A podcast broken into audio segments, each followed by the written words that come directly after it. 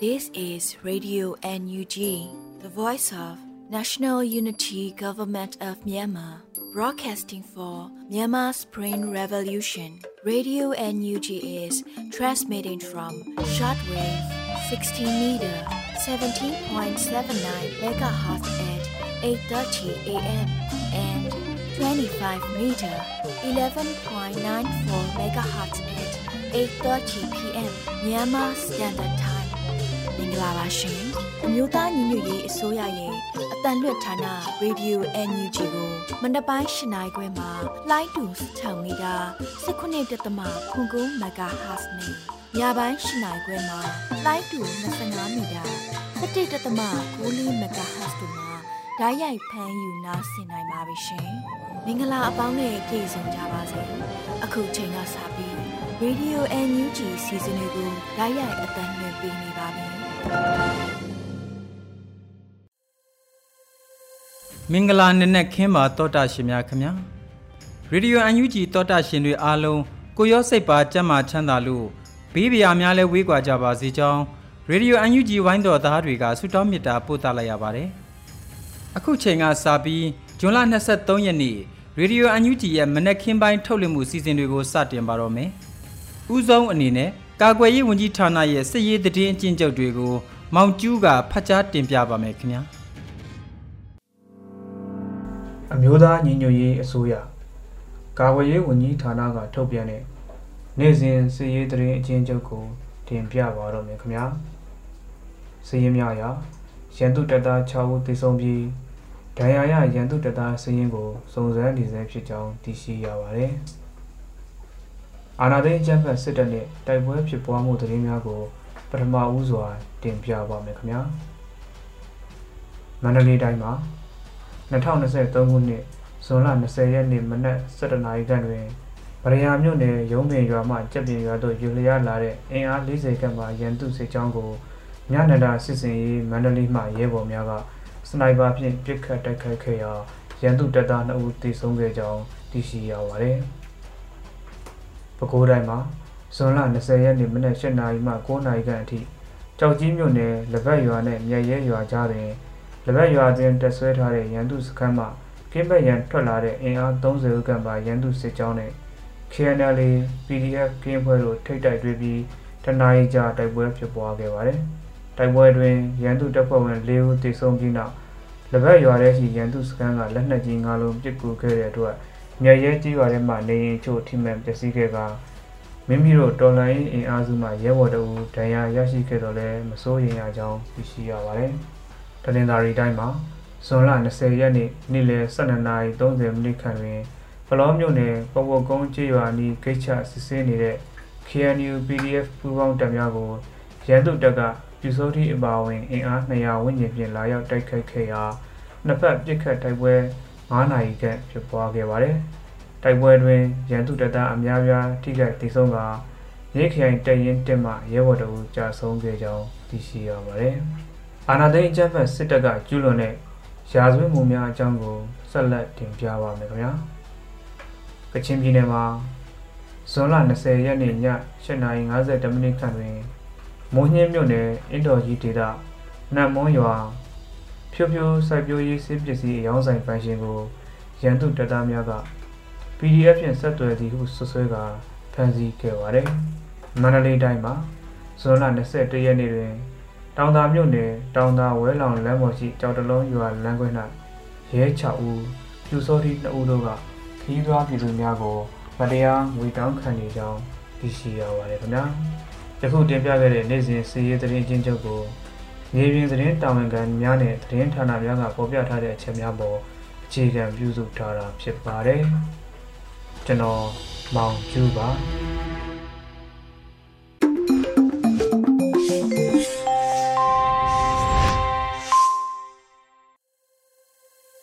စစ်ရေးတည်င်းအကျဉ်းချုပ်တွေကိုနားဆင်ခဲ့ရတာဖြစ်ပါတယ်။ဆက်လက်ပြီးပြည်တွင်းတည်င်းတွေကိုတော့ຫນွေဦးမိုင်ကတင်ပြมาဖြစ်ပါတယ်ခင်ဗျာ။ မင်္ဂလာပါရှင်။အခုချိန်ကစပြီး Radio UNG ရဲ့ဇွန်လ23ရက်နေ့မနက်ခင်းပြည်တွင်းတည်င်းများကိုဖတ်ကြားပေးပါတော့မယ်။ကျမຫນွေဦးမိုင်ပါ။ပထမဆုံးအနေနဲ့အမေရိကန်၏စစ်ကောင်စီအပေါ်ပိတ်ဆို့အရေးယူမှုများကိုကြိုဆိုတယ်လို့ယာယီသမရဒူဝါလက်ရှိလာပြောကြားတဲ့သတင်းကိုတင်ပြပေးချင်ပါတယ်။အမေရိကန်၏စစ်ကောင်စီအပေါ်ပိတ်ဆို့အရေးယူမှုများကိုကြိုဆိုတယ်လို့ယာယီသမရဒူဝါလက်ရှိလာကဇွန်လ22ရက်မှာ Twitter မှာရေးသားဆိုပါတယ်။ စစ်ကောင်စီနဲ့နိုင်ငံခြားဈေးကွက်များအကြားအယောင်းဝယ်ပြုလုပ်ရတဲ့လွယ်ကူချောမွေစေမိငွေကြေးအဖွဲ့အစည်းနှစ်ခုအပါအဝင်မြန်မာစစ်ကောင်စီအပေါ်အမေရိကန်၏ပိတ်ဆို့ရေးယူမှုများကိုကြိုဆိုပါတယ်။၎င်းတို့၏ဝင်ငွေစည်းစိမ်မှုများကိုပိတ်ဆို့ရမှာဖြစ်တယ်လို့ယာယီသမရကဆိုထားပါတယ်။မြန်မာနိုင်ငံတွင်အာဏာရှင်အဖွဲ့အစည်းထိန်းချုပ်မှုအောက်တွင်ရှိသည့်အကြီးမားဆုံးဗန်းနှစ်ခုဖြစ်သည့်မြန်မာနိုင်ငံခြားကုန်သွယ်မှုဘဏ် MFTB နဲ့မြန်မာယင်းနှီးမြှုပ်နှံမှုနဲ့ကုတန်းရောင်းဝယ်ရေးဘဏ် MICB တို့ကိုအရေးယူတတ်မှတ်မှုများဆောင်ရွက်ခြင်းမှာသမရ၏အမိန့်မှတ်143114အရဆောင်ရွက်ခြင်းဖြစ်တယ်လို့ဇွန်လ22ရက်ကအမေရိကန်နိုင်ငံခြားရေးဝန်ကြီးဌာနကထုတ်ပြန်ပါတယ်။ဤလှုပ်ရှားမှုသည်စစ်တပ်၏နိုင်ငံခြားငွေလဲလှယ်မှုနဲ့ကမ္ဘာလုံးဆိုင်ရာဈေးကွက်များနဲ့၎င်းတို့၏အယောင်းဝယ်များကိုဖျက်တောက်ပစ်လိုက်ပါတယ်။စစ်အာဏာရှင်၏ဗန္ဒာရေးကွန်ရက်များကိုဖျက်သိမ်းပြီးလက်ရှိဖြစ်ပေါ်နေသောတော်လှန်ရေးကိုပံ့ပိုးရန်နောက်ထပ်လှုပ်ဆောင်မှုများကို ကျွန်ုပ်တို့စိတ်အားထက်သန်စွာစောင့်မျှော်နေပါတယ်လို့ပြည်ထောင်စုဝန်ကြီးချုပ်မောင်ဝင်းခိုင်တန်းကလည်း Twitter မှာရေးသားထားပါတယ်ရှင်။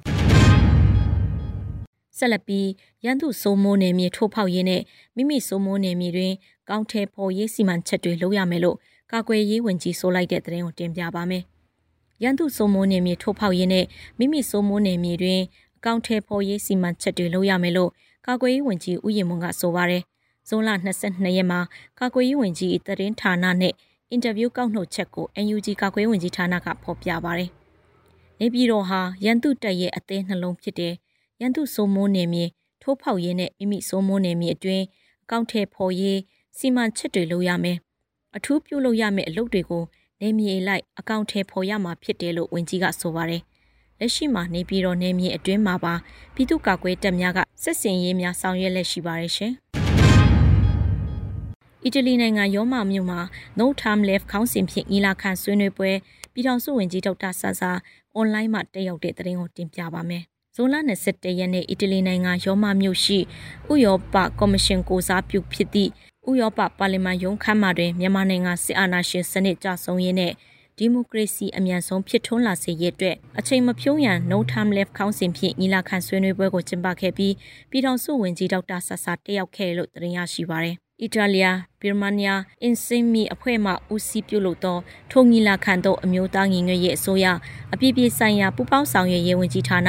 ဝန်ကြီးဒေါက်တာဆဆာအွန်လိုင်းမှတက်ရောက်ကရဲရင်သောမြန်မာတိုင်းသားပြည်သူများ၏အောင်မြင်သည့်အထိတော်လှန်သွားမိနှွေဦးတော်လှန်ရေးအားအဖက်ဖက်မှပံ့ပိုးကူညီပေးကြရအတွက်နိုင်ငံတကာမှအရေးကြီးလှုပ်ဆောင်ရမည့်ကိစ္စရပ်များကိုဆွေးနွေးတင်ပြသွားခဲ့ပါတယ်။ အမျိုးသားရင်ငွေရေးအတိုင်းပင်ခံကောင်စီအဖွဲ့ဝင်ပို့အိုအမျိုးသားဖက်ဒရယ်ကောင်စီဥက္ကဋ္ဌဦးခိုးမြင့်ထွန်းမှနှွေဦးတော်လှန်ရေးသည်ပြည်သူတော်လှန်ရေးဖြစ်ကြောင်းဖက်ဒရယ်ပြည်ထောင်စုအတွက်အရေးပါသောကရင်ပြည်နယ်ကြားကာလအုပ်ချုပ်ရေးနဲ့စကိုင်းဖိုရမ်တို့အကြောင်းများတင်ပြဆွေးနွေးကစစ်ကောင်စီလက်အောက်ခံပြည်သူစစ်များ၏အာဆီယံတန်တမန်ရင်တန်းတိုက်ခိုက်မှုအပေါ်နိုင်ငံတကာမှနှုတ်ဆက်နေပုံကိုဆက်လက်ပြောကြားသွားခဲ့ပါတယ်။ညီလာခံဆွေးနွေးပွဲသို့အီတလီအစိုးရလွှတ်တော်မှများအစိုးရဖွဲ့ဝင်များ အလုသမားသမဂ္ဂအဖွဲ့အစည်းများလူ့အခွင့်အရေးလှုပ်ရှားသူများတန်တမန်များတက်ရောက်ခဲ့ကြပြီးမြန်မာရေးရပတ်သက်ဆက်နွယ်နေသည့်တရုတ်ရုရှားတို့၏ယက်တီမှုစီးပွားရေးနိုင်ငံရေးစစ်ရေးအမျက်ထုတ်မှုများအာဆီယံနိုင်ငံများဆိုင်ရာယက်တီမှုများနဲ့လှုပ်ဆောင်ချက်များကိုဆွေးနွေးပြောကြားခဲ့ပါတယ်ရှင်။ ဂျာကာလာဒေသန္တရပြည်သူ့ချုပ်ရေးဖော်ဆောင်မှုဘောကော်မတီစီဝေးအမှတ်စဉ်25မြင်းဆောင်2023ကျင်းပတဲ့တဲ့ရင်ကိုဆက်လက်တင်ပြပေးပါမယ်။အမျိုးသားညီညွတ်ရေးအစိုးရဂျာကာလာဒေသန္တရပြည်သူ့ချုပ်ရေးဖော်ဆောင်မှုဘောကော်မတီစီဝေးအမှတ်စဉ်25မြင်းဆောင်2023ကိုဇွန်လ22ရက်နေ့ကကျင်းပခဲ့ပါတယ်။အစည်းအဝေးတွင် ဂျာကာလာဒေသန္တရပြည်သူ့အုပ်ချုပ်ရေးဖော်ဆောင်မှုဗဟိုကော်မတီအဖွဲ့ဝင်အလုသမားဝင်ကြီးနိုင်သူဝနာမှအဖွဲ့မှစကားပြောကြားခဲ့ပါတယ်။ဆက်လက်ပြီးတက်ရောက်လာကြသောဂျာကာလာဒေသန္တရပြည်သူ့အုပ်ချုပ်ရေးဖော်ဆောင်မှုဗဟိုကော်မတီအဖွဲ့ဝင်များမှ24မြင်းဆောင်2023တွင်ချမှတ်ထားသောဆုံးဖြတ်ချက်ရှေ့လုပ်ငန်းစဉ်များနှင့်ပတ်သက်၍ပြည်စည်းမှုအခြေအနေများနှင့်ဆက်လက်ဆောင်ရွက်ရန်ကြံရှိနေသည့်လုပ်ငန်းစဉ်များကိုချပြရှင်းလင်းပြီးတက်ရောက်လာသောတာဝန်ရှိသူများမှအခြေတဝင့်ဆွေးနွေးခဲ့ကြပါသည် အစည်းအဝေးသို့ပြည်ထောင်စုဝန်ကြီးများဒုဝန်ကြီးများအမြဲတမ်းအတွင်းဝင်များဌာနဆိုင်ရာများမှတာဝန်ရှိသူများတက်ရောက်ခဲ့လို့တင်ရရှိပါရရှင်။ဆက်လက်ပြီးရန်ကုန်တိုင်းစစ်ဒေသခွဲတက်ရင်9131မှအမျိုးသမီးရဲမြင့်များစုဖွဲ့လေ့ကျင့်တဲ့တရင်ကိုတင်ပြပေးပါမယ်။ရန်ကုန်တိုင်းစစ်ဒေသခွဲတက်ရင်9131မှအမျိုးသမီးရဲမြင့်များစုဖွဲ့လေ့ကျင့်ခဲ့လို့ဇွန်လ22ရက်မှာရန်ကုန်တိုင်းစစ်ဒေသခွဲဌာနချုပ်တက်ရင်9131 ကတရင်ထုတ်ပြန်ခဲ့ပါတယ်။အမျိုးသားညီညွတ်ရေးအစိုးရကာကွယ်ရေးဝန်ကြီးဌာနပြည်သူ့ကာကွယ်ရေးတပ်မတော် PDF ရန်ကုန်တိုင်းစစ်ဒေသခွဲတက်ရင်9131မှအမျိုးသမီးရဲမြင့်များစုဖွဲ့လေ့ကျင့်မှုမှတ်တမ်းတပုံများလို့ဖော်ထုတ်ပြသခဲ့ပါတယ်။အမျိုးသားညီညွတ်ရေးအစိုးရ NUG ကာကွယ်ရေးဝန်ကြီးဌာနရန်ကုန်တိုင်းစစ်ဒေသခွဲဌာနချုပ်က2023ခုနှစ်ဇွန်လ1ရက်နေ့မှာရန်ကုန် PDF တပ်ရင်း9131ကိုဖွဲ့စည်းကြောင်းတရားဝင်ထုတ်ပြန်ကြေညာခဲ့ပါတယ်။ တပ်ရင်း9131သည်တိုက်ရိုက်ခတ်ရီကောင်းမွန်ပြီးအမိန်နာခံမှုအကောင်းသောစစ်သေးတော်ကောင်းများဖြင့်စုဖွဲ့ထားခြင်းဖြစ်ပြီးအခြေခံစစ်ပညာသင်တန်းများဝမ်းမှန်သင်တန်းများတာမကမြို့ပြပျောက်ကြားအထူးဝမ်းမှန်သင်တန်းများပါတက်ရောက်သင်ကြားထားသောစစ်သေးတော်များလည်းဖြစ်တယ်လို့သိရပါတယ်ရှင်။အမျိုးသားဒီမိုကရေစီအဖွဲ့ချုပ်အစိုးရလက်ထက်တွင်ဝန်ကြီးချုပ်ဝန်ကြီးနဲ့ဒုဝန်ကြီးတာဝန်များထမ်းဆောင်ခဲ့သူ32ဦးကိုယနေ့အချိန်ထိ အကျဉ်းထောင်များတွင်ဖမ်းဆီးထားတဲ့တဲ့ရင်ကိုဆက်လက်တင်ပြပေးပါမယ်။အမျိုးသားဒီမိုကရေစီအဖွဲ့ချုပ်အစိုးရလက်ထက်တွင်ဝန်ကြီးချုပ်ဝန်ကြီးနဲ့ဒုဝန်ကြီးတာဝန်များထမ်းဆောင်ခဲ့သူ32ဦးကိုယနေ့အချိန်ထိအကျဉ်းထောင်များတွင်ဖမ်းဆီးထားတယ်လို့ဇွန်လ22ရက်မှာနိုင်ငံရေးအကျဉ်းသားများကုညီဆောင်ရှောက်ရေးတင်မှဖော်ပြပါတယ်။2021ခုနှစ်ဖေဖော်ဝါရီလမှ2023ခုနှစ်ဇွန်လ22ရက်နေ့အထိနိုင်ငံရေးအကျဉ်းသားများကုညီဆောင်ရှောက်ရေးအသင်းမှ ကောက်ယူထားသောသတင်းအချက်လက်များအရအမျိုးသားဒီမိုကရေစီအဖွဲ့ချုပ်အစိုးရလက်ထက်တွင်ဝန်ကြီးချုပ်ဝန်ကြီးနဲ့ဒုဝန်ကြီးတာဝန်များထမ်းဆောင်ခဲ့ကြပြီး2020ခုနှစ်ရွေးကောက်ပွဲတွင်လည်းအနိုင်ရရှိခဲ့သည့်လွှတ်တော်ကိုယ်စားလှယ်40ဦးကိုကျန်းဖက်စစ်အုပ်စုကဖမ်းဆီးခဲ့ပါတယ်။ထို40ဦးနဲ့မတရားသောပုံမှန်အသီးသီးဖြင့်ထောင်ဒဏ်ချမှတ်ခံထားရသူ29ဦးအပါအဝင်32ဦးမှာလက်ရှိအချိန်ထိအကျဉ်းထောင်များ၌ထိမ့်သိမ်းခံနေရဆဲဖြစ်တယ်လို့ဆိုပါတယ်။ဇွန်လ22ရက်နေ့တွင်လည်း အမျိုးသားဒီမိုကရေစီအဖွဲ့ချုပ်အစိုးရလက်ထက်ပဲခူးတိုင်းလူဝင်မှုကြီးကြပ်နဲ့လူစွမ်းအားအရင်းမြစ်ဝင်ကြီးဌာန၏ဝင်ကြီးဦးထွန်းထွန်းဦးကိုပေါင်းတဲ့အကျဉ်းထောင်တွင် အထူးတရားရုံးမှရာဇသက်ကြီးပုံမှဥပဒေ905ကာကြီးအမှုနှမှုဖြင့်စုစုပေါင်းထောင်ဒဏ်6နှစ်ချမှတ်ခဲ့ပါတယ်။ဦးထွန်းထွန်းဦးကိုမေလ30ရက်နေ့တွင်ပဲခူးတိုင်းပေါင်းတင်မြို့နယ်အကြမ်းဖက်စစ်အုပ်စုကဖမ်းဆီးခဲ့ခြင်းဖြစ်ပါတယ်ရှင်။ ဆလပီမြန်မာစစ်အုပ်စုနဲ့ရုရှားတို့ဦးဆောင်ကျင်းပဖို့လုပ်နေတဲ့စစ်ရေးလေ့ကျင့်မှုကိုချက်ချင်းဖျက်သိမ်းဖို့အာဆီယံကာကွယ်ဝင်ကြီးများအစည်းအဝေး ADMM ကို Justice for Myanmar ကတောင်းဆိုတဲ့သတင်းကိုတင်ပြပေးပါမယ်။မြန်မာစစ်အုပ်စုနဲ့ရုရှားတို့ဦးဆောင်ကျင်းပဖို့လုပ်နေတဲ့စစ်ရေးလေ့ကျင့်မှုကိုချက်ချင်းဖျက်သိမ်းဖို့အာဆီယံကာကွယ်ရေးဝန်ကြီးများအစည်းအဝေး ADMM ကို Justice for Myanmar ကတောင်းဆိုလိုက်ပါတယ်။ Justice for Myanmar ရဲ့ပြောရေးဆိုခွင့်ရှိသူမရဏနာမောင်က ကမ္ဘာအတိုင်းဝမ်အနေနဲ့အာဆီယံရဲ့ဘုံသဘောတူညီချက်9ရက်ဟာမအောင်မြင်အလုံးမဖြစ်ကြောင်းအထောက်ထားတွေလိုအပ်နေသေးတယ်ဆိုရင်အာဆီယံရဲ့အကြမ်းဖက်မှုနှိမ်နင်းရေးမှာပြည်သူတွေကိုနေ့စဉ်အကြမ်းဖက်နေတဲ့မြန်မာစစ်အုပ်စုတပ်ဖွဲ့တွေကိုလေ့ကျင့်သင်ကြားပေးနေတဲ့လူရဟာလေပြင်းစင်သွားတယ်လို့လက်ဆုပ်လက်ကင်ငင်းမရထင်ရှားတဲ့တာရကဖြစ်ကြောင်းပြောလိုပါတယ်လို့ဆိုပါတယ်မြန်မာစစ်အုပ်စုနဲ့ရုရှားအစိုးရတို့ပူးတွဲဦးဆောင်မဲ့အဲ့ဒီအစီအစဉ်မှာအကြမ်းဖက်မှုတိုက်ဖျက်ရေးဆိုင်ရာ ADMM အပေါင်းကျွမ်းကျင်ပညာရှင်များအလုပ်ရုံဆွေးနွေးပွဲကိုကျင်းပမှာဖြစ်ပြီးဩဂတ်လအတွင်းမြန်မာနိုင်ငံမှာစပွဲဝဲဆွေးနွေးလေ့ကျင့်မှုတွေကိုပြုလုပ်ပြီးစက်တင်ဘာလအတွင်းရုရှားနိုင်ငံမှာလက်တွေ့စစ်စင်ရေးလေ့ကျင့်ခန်းတွေပါဝင်မှာဖြစ်ပါတယ်။အလုပ်အဖွဲ့ဟာရုရှားနိုင်ငံခဘရိုဆပ်မှာဇွန်လတွင်စစ်ရေးလေ့ကျင့်မှုအတွက်သူတို့ရဲ့အဆုံးသက်ပြင်ဆင်ရေးညီလာခံကိုအာဆီယံအဖွဲ့ဝင်တွေနဲ့အတူဆွေးနွေးဖက်တရုတ်နဲ့ အိန္ဒိယတို့ပါဝင်တက်ရောက်ခဲ့ပါတယ်။အမေရိကန်၊ဩစတြေးလျ၊ဂျပန်၊တောင်ကိုရီးယားနဲ့နယူးဇီလန်နိုင်ငံတို့ကတော့အဲ့ဒီအစည်းအဝေးကိုတပိတ်မှောက်ခဲ့လို့သိရပါတယ်ရှင်။ဝလက်မြို့နယ်ကထွက်ခွာလာတဲ့စစ်ကောင်စီအင်အား80ခန့်ကိုရွှေဘူခရိုင်အမှတ်15တရင်မှဆွဲမိုင်း3ချိန်မိုင်းဆွဲတိုက်ခိုက်ခဲ့တဲ့တဲ့တင်ကိုဆက်လက်တင်ပြပါမယ်။ ဇွန်လ22ရက်နနက်8:30အချိန်မှာဝက်လက်မြို့မှထွက်လာသောစစ်ကောင်စီအင်အား80ခန့်စစ်ကြောင်းကိုရွှေဘူခရိုင်အမှတ်15တရင်မှဆွဲမိုင်း3ကြိမ်မိုင်းဆွဲတိုက်ခိုက်ခဲ့လို့ Eagle Gorilla Force ကဆိုပါတယ်။ဝက်လက်မြို့မှထွက်လာသောစစ်ကောင်စီအင်အား80ခန့်ကို Eagle Gorilla Force ဘိုးကောက်ရိုးရွှေဘူခရိုင်အမှတ်15တရင်မှဆွဲမိုင်း3ကြိမ်မိုင်းဆွဲတိုက်ခိုက်ခဲ့ပါတယ်။တဖန်ကုန်းရွာနဲ့ တကောင်းမင်းရွာကြားအရောက်ကျေးရွာအခေါ်ဝက်တိုးကျောင်းနဲ့ဖုတ်ကုန်းအနီးတွင်အစင်သင့်ပြင်ဆင်ထားသောမိုင်းများဖြင့်ဆွဲလိုက်ရာစစ်ကောင်စီတပ်က၄ဦးမှလွန့်စင်လဲကျသွားခဲ့ပါတယ်လို့ဆိုပါတယ်စစ်ကောင်စီတပ်များမှလက်နက်ငယ်များဖြင့်ပြန်လည်ပစ်ခတ်သောကြောင့်မိုင်းဆွဲရဲဘော်များပြန်လည်ဆုတ်ခွာခဲ့ရပြီးအထိခိုက်မရှိဘူးလို့ဆိုပါတယ်ရှင်ပလောတွင်နှစ်ရက်ဆက်တိုက်ပွဲဖြစ်ပွားရာ စစ်ကောင်စီဘက်မှစေအုပ်ခန့်သေးဆုံးတဲ့တဲ့ကိုနောက်ဆုံးတင်ပြပေးချင်ပါတယ်။ပလောတွင်နှစ်ရက်ဆက်တိုက်ပွဲဖြစ်ပွားရာစစ်ကောင်စီဘက်မှစေအုပ်ခန့်သေးဆုံးခဲ့လို့ဇွန်လ22ရက်မှာစစ်ရေးတရင်ကိုတရင်နဲ့ပြန်ကြိုက်ဌာနစစ်ဒေသခွဲအမှတ်3ကဆိုပါရယ်။တနင်္သာရီတိုင်းပလောမြို့နယ်ပဝက်ကုံကျေးရွာသို့စစ်ကြောင်း၃ကြောင်းဖြင့်ဝင်ရောက်လာသည့်အကြမ်းဖက်စစ်ကောင်စီတပ်များနဲ့ပြည်သူ့ကာကွယ်ရေးပူးပေါင်းတပ်များကြားထိတွေ့တိုက်ပွဲဖြစ်ပွားခဲ့လို့တင်ရရှိပါရယ်။ ဇွန်လ20ရက်နေ့နနက်7:40မိနစ်ဝန်းကျင်တွင်ဗိတ်တဝဲပြည်ထောင်စုလမ်းမကြီး၌ထိတွေ့တိုက်ပွဲစတင်ဖြစ်ပွားခဲ့ခြင်းဖြစ်ပြီးပြည်သူ့ကာကွယ်တပ်မတော်ဗိတ်ခရိုင်အမှတ်1တပ်ရင်းတော်လှန်ရေးမဟာမိတ်တပ်ပေါင်းစုများနဲ့အင်အား200ခန့်ရှိသည့်ရန်သူတပ်များကြား2023ခုနှစ်ဇွန်လ22ရက်နေ့ည9:00နာရီခန့်အထိထိတွေ့ပစ်ခတ်မှုများအပြင်းထန်အကြိမ်ကြိမ်ဖြစ်ပွားခဲ့ကြောင်းသိရပါဗျ။အဆိုပါနှစ်ရက်တာတိုက်ပွဲတွင်အကြမ်းဖက်စစ်ကောင်စီဘက်မှစေုပ်ခန့်သေးဆုံးခဲ့ပြီး ပြည်သူ့ကာကွယ်ပူးပေါင်းတပ်ဖွဲ့ဝင်များဘက်မှရန်သူအလောင်းတလောင်းသိမ်းဆီးရမိခဲ့ပြီးပြည်သူ့ကာကွယ်တပ်မတော်ဗိတ်ခရိုင်အမှတ်1တပ်ရင်းမှရဲဘော်တအူကြဆုံးခဲ့ရပါတယ်။ပလောမျိုးနယ်တွင်ပြည်သူ့ကာကွယ်တပ်မတော်တော်လှန်ရေးမဟာမိတ်တပ်ဖွဲ့တို့နဲ့အာနာသိန်းအကြမ်းဖက်စစ်ကောင်စီတပ်တို့အကြားတိုက်ပွဲများပုံမပြင်းထန်လာနိုင်သဖြင့်ခရီးသွားပြည်သူများအနေဖြင့်ဗိတ်ပလောလာမကြီးအားအုံပြု၍ခရီးသွားလာခြင်းများမလို့အပ်ပဲလုံးဝမပြုလုပ်ကြပါရန်ဗိတ်ခရိုင်အမှတ်1တပ်ရင်းမှမြစ်တာရက်ခအကြံပြုထားပါတယ်ရှင်။ အခုတင်ပြခဲ့တဲ့သတင်းတွေကို Radio UNG သတင်းထောက်မင်းတီဟန်ကပေးပို့ထားတာဖြစ်ပါတယ်ရှင်။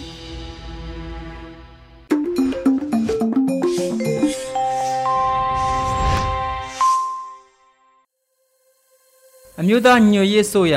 ဆက်သွယ်ရေးတည်င်းချက်လက်နဲ့ဤပညာဝန်ကြီးဌာနရေဒီယိုအန်ယူဂျီရဲ့ဇွန်လ23ရက်နေ့မနက်ပိုင်းထုတ်လွှင့်မှုစီစဉ်တွေကိုနားဆင်နေရတာဖြစ်ပါတယ်။အခုတခါအလှည့်ကျလာတဲ့တော်လိုင်းကဗျာအစီအစဉ်မှာ ကိုညိုးလို့အမည်ရတဲ့ဂုံပြုတ်ကြပြတဲ့ပုတ်ကိုဆရာအောင်ဝေးကရေးသားပြီးလွတ်လပ်ຫນွေဦးဖတ်ကြားထားတာထုတ်လွှင့်ပေးလိုက်ပါတယ်ခင်ဗျာ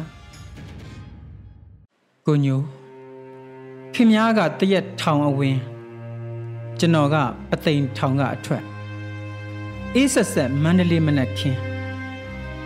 အမေပေးဖို့တဲ့ခမားရဲ့ဆွဲတာလေးခုထိနှွေးသေးပါကိုညိုး ခင်များကမန်းတက်ကတူဘောလုံးသမားငိမ့်ချမ်းအနေနဲ့ဂိုးတွေသွင်းခဲ့တာပေါ့နောက်တော့ခင်များညီပုလေးအနေနဲ့ဂိုးတွေဆက်သွင်းပြန်တယ်ခင်များရဲ့ခေါင်းတိုက်ချက်တွေတစ်ဖက်ကိုယ်သမားမဖမ်းနိုင်ခဲ့ဘူးတချို့ပွဲတွေမှာငိမ့်ချမ်းစိမ့်လန်းနာမည်နဲ့ခင်များရဲ့ဘဲချီကန်ချက်တွေကလန်ထွက်နေတာပဲဗျာဟောຫນွေဦးဖလားမှာ စကောလေတော်အဖြစ်နဲ့ကိုညိုခမားတွင်းခဲ့တဲ့ကိုတွေမရေတွက်နိုင်ပါဘူးဗျခုတော့ခမားပင်ပန်းခဲ့ပြီတန်ရာယထာနှလုံးသားကြီးအနားယူပါတော့အကိုကြီးကိုစိုးဝင်းရေဘိုးညိုကိုကြိုပါတော့တငယ်ချင်းအောင်ဝေး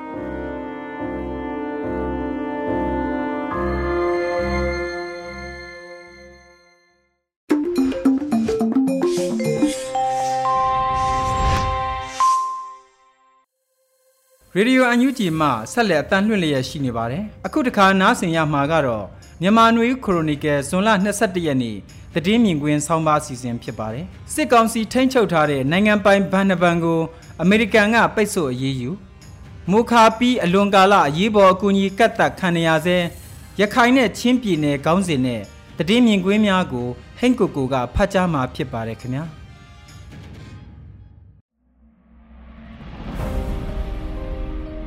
မင်္ဂလာပါခင်ဗျာခုချိန်ကစပြီးမြန်မာနွေခရိုနီကယ်ဇွန်လ21ရက်နေ့မြင်ကွင်းဖြစ်တဲ့စစ်ကောင်စီထိန်းချုပ်ထားတဲ့နိုင်ငံပိုင်ဘဏ္ဍဘဏ်ကိုအမေရိကန်ကပိတ်ဆို့အရေးယူ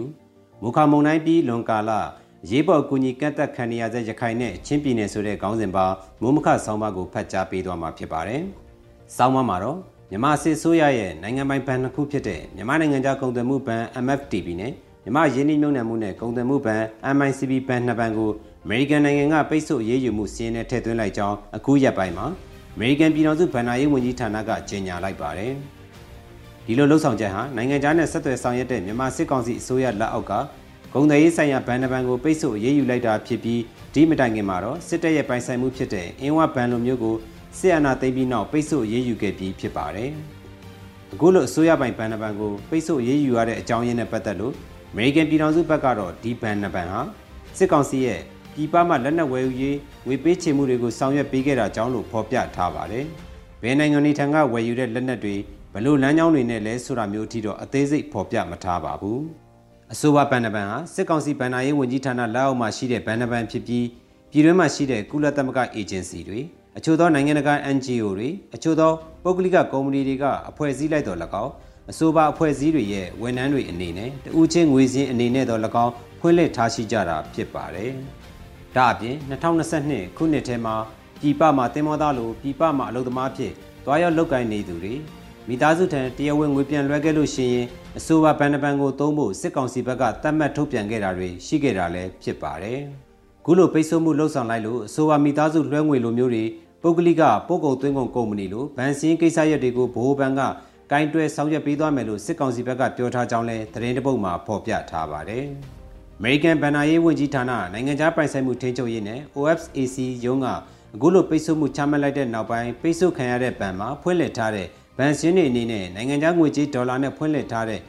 ဝေပေးချေမှုတွေလွှဲပြောင်းမှုတွေကိုအခြားဆက်သွယ်ဆောင်ရွက်တဲ့ဘဏ်ကတဆင့်ဘလောက်ထိလှုပ်ဆောင်ရပြီးဘလို့အရာတွေကလှုပ်လို့မရဘူးလဲဆိုတာတွေအထိအသေးစိတ်တော့တိတိပပမသိရသေးပါဘူး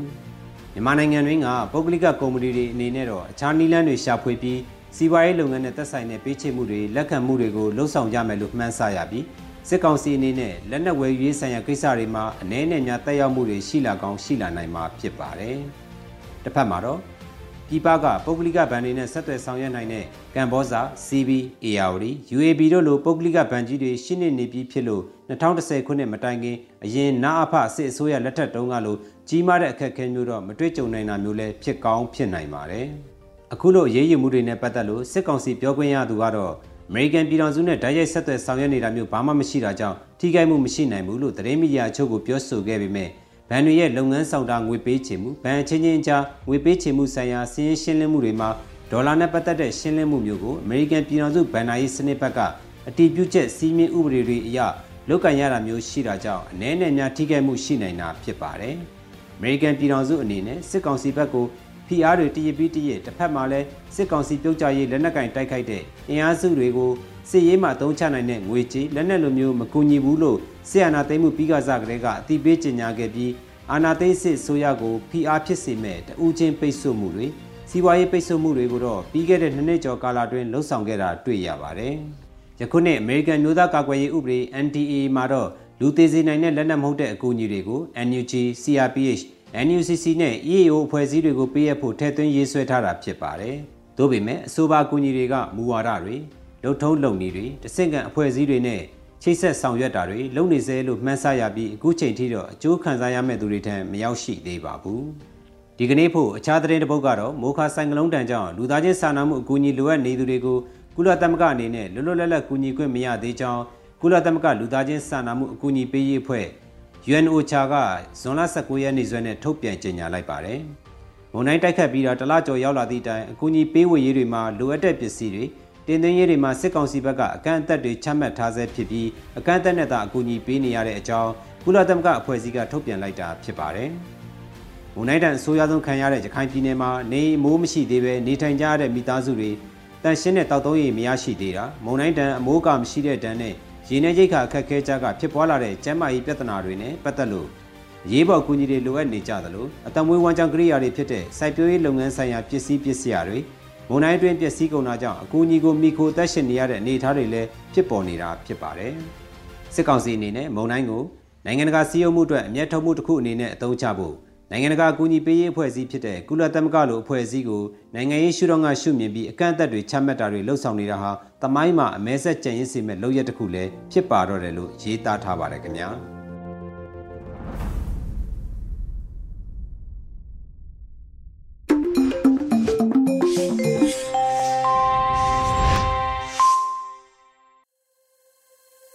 တောတာရှင်များခမညာအခုတခါဆက်လက်နားဆင်ရမှာကတော့တော်လိုင်းရေးတေးဂီတဖြစ်ပါတယ်တေးရီကြောက်စုတေးဆူကြောက်စုစိုင်းလုံစောကီတို့ရဲ့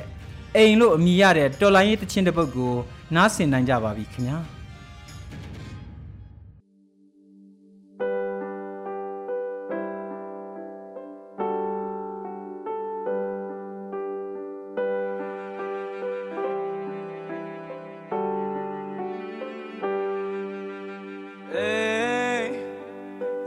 ငါလွမ်းနေတဲ့အိ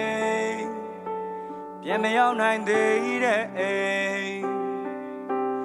အိမ်မျိုးသိပ်လွမ်းနေမိသားစုနဲ့ကြည်နူခဲ့ရသောအိမ်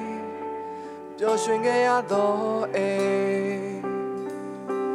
အိမ်ပြန်ခြင်းမိတယ်ကြံနိုင်မလား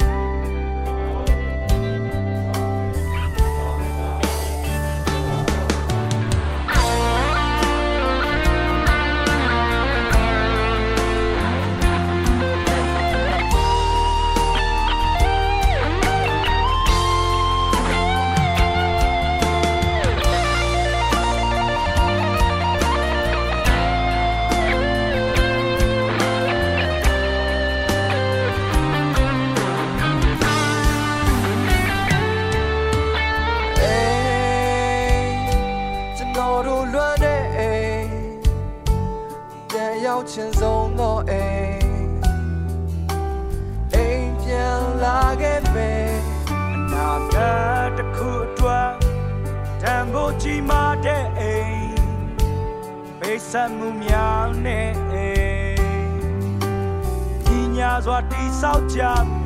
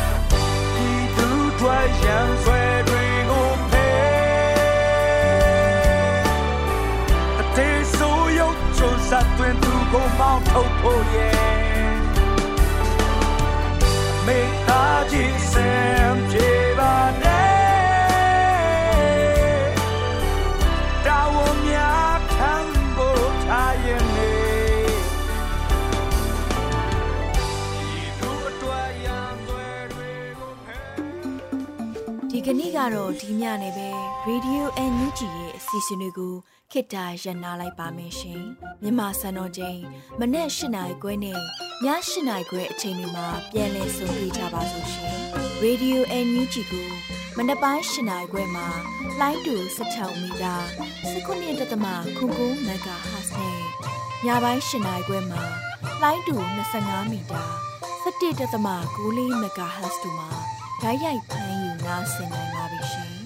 မြန်မာနိုင်ငံသူနိုင်ငံသားများကိုယ်စိတ်နှဖျားစမ်းမချမ်းသာလို့ဘေးကင်းလုံခြုံကြပါစေလို့ Radio NUG ရဲ့ဖွဲ့သူဖွဲ့သားများကဆုတောင်းလိုက်ရပါတယ်။ San Francisco Bay Area အခြေစိုက်မြန်မာမိသားစုများနဲ့နိုင်ငံတကာကစေတနာရှင်များလုံအားပေးမြရဲ့ Radio NUG ဖြစ်ပါတယ်ရှင်။အရေးတော်ပုံအောင်ရမည်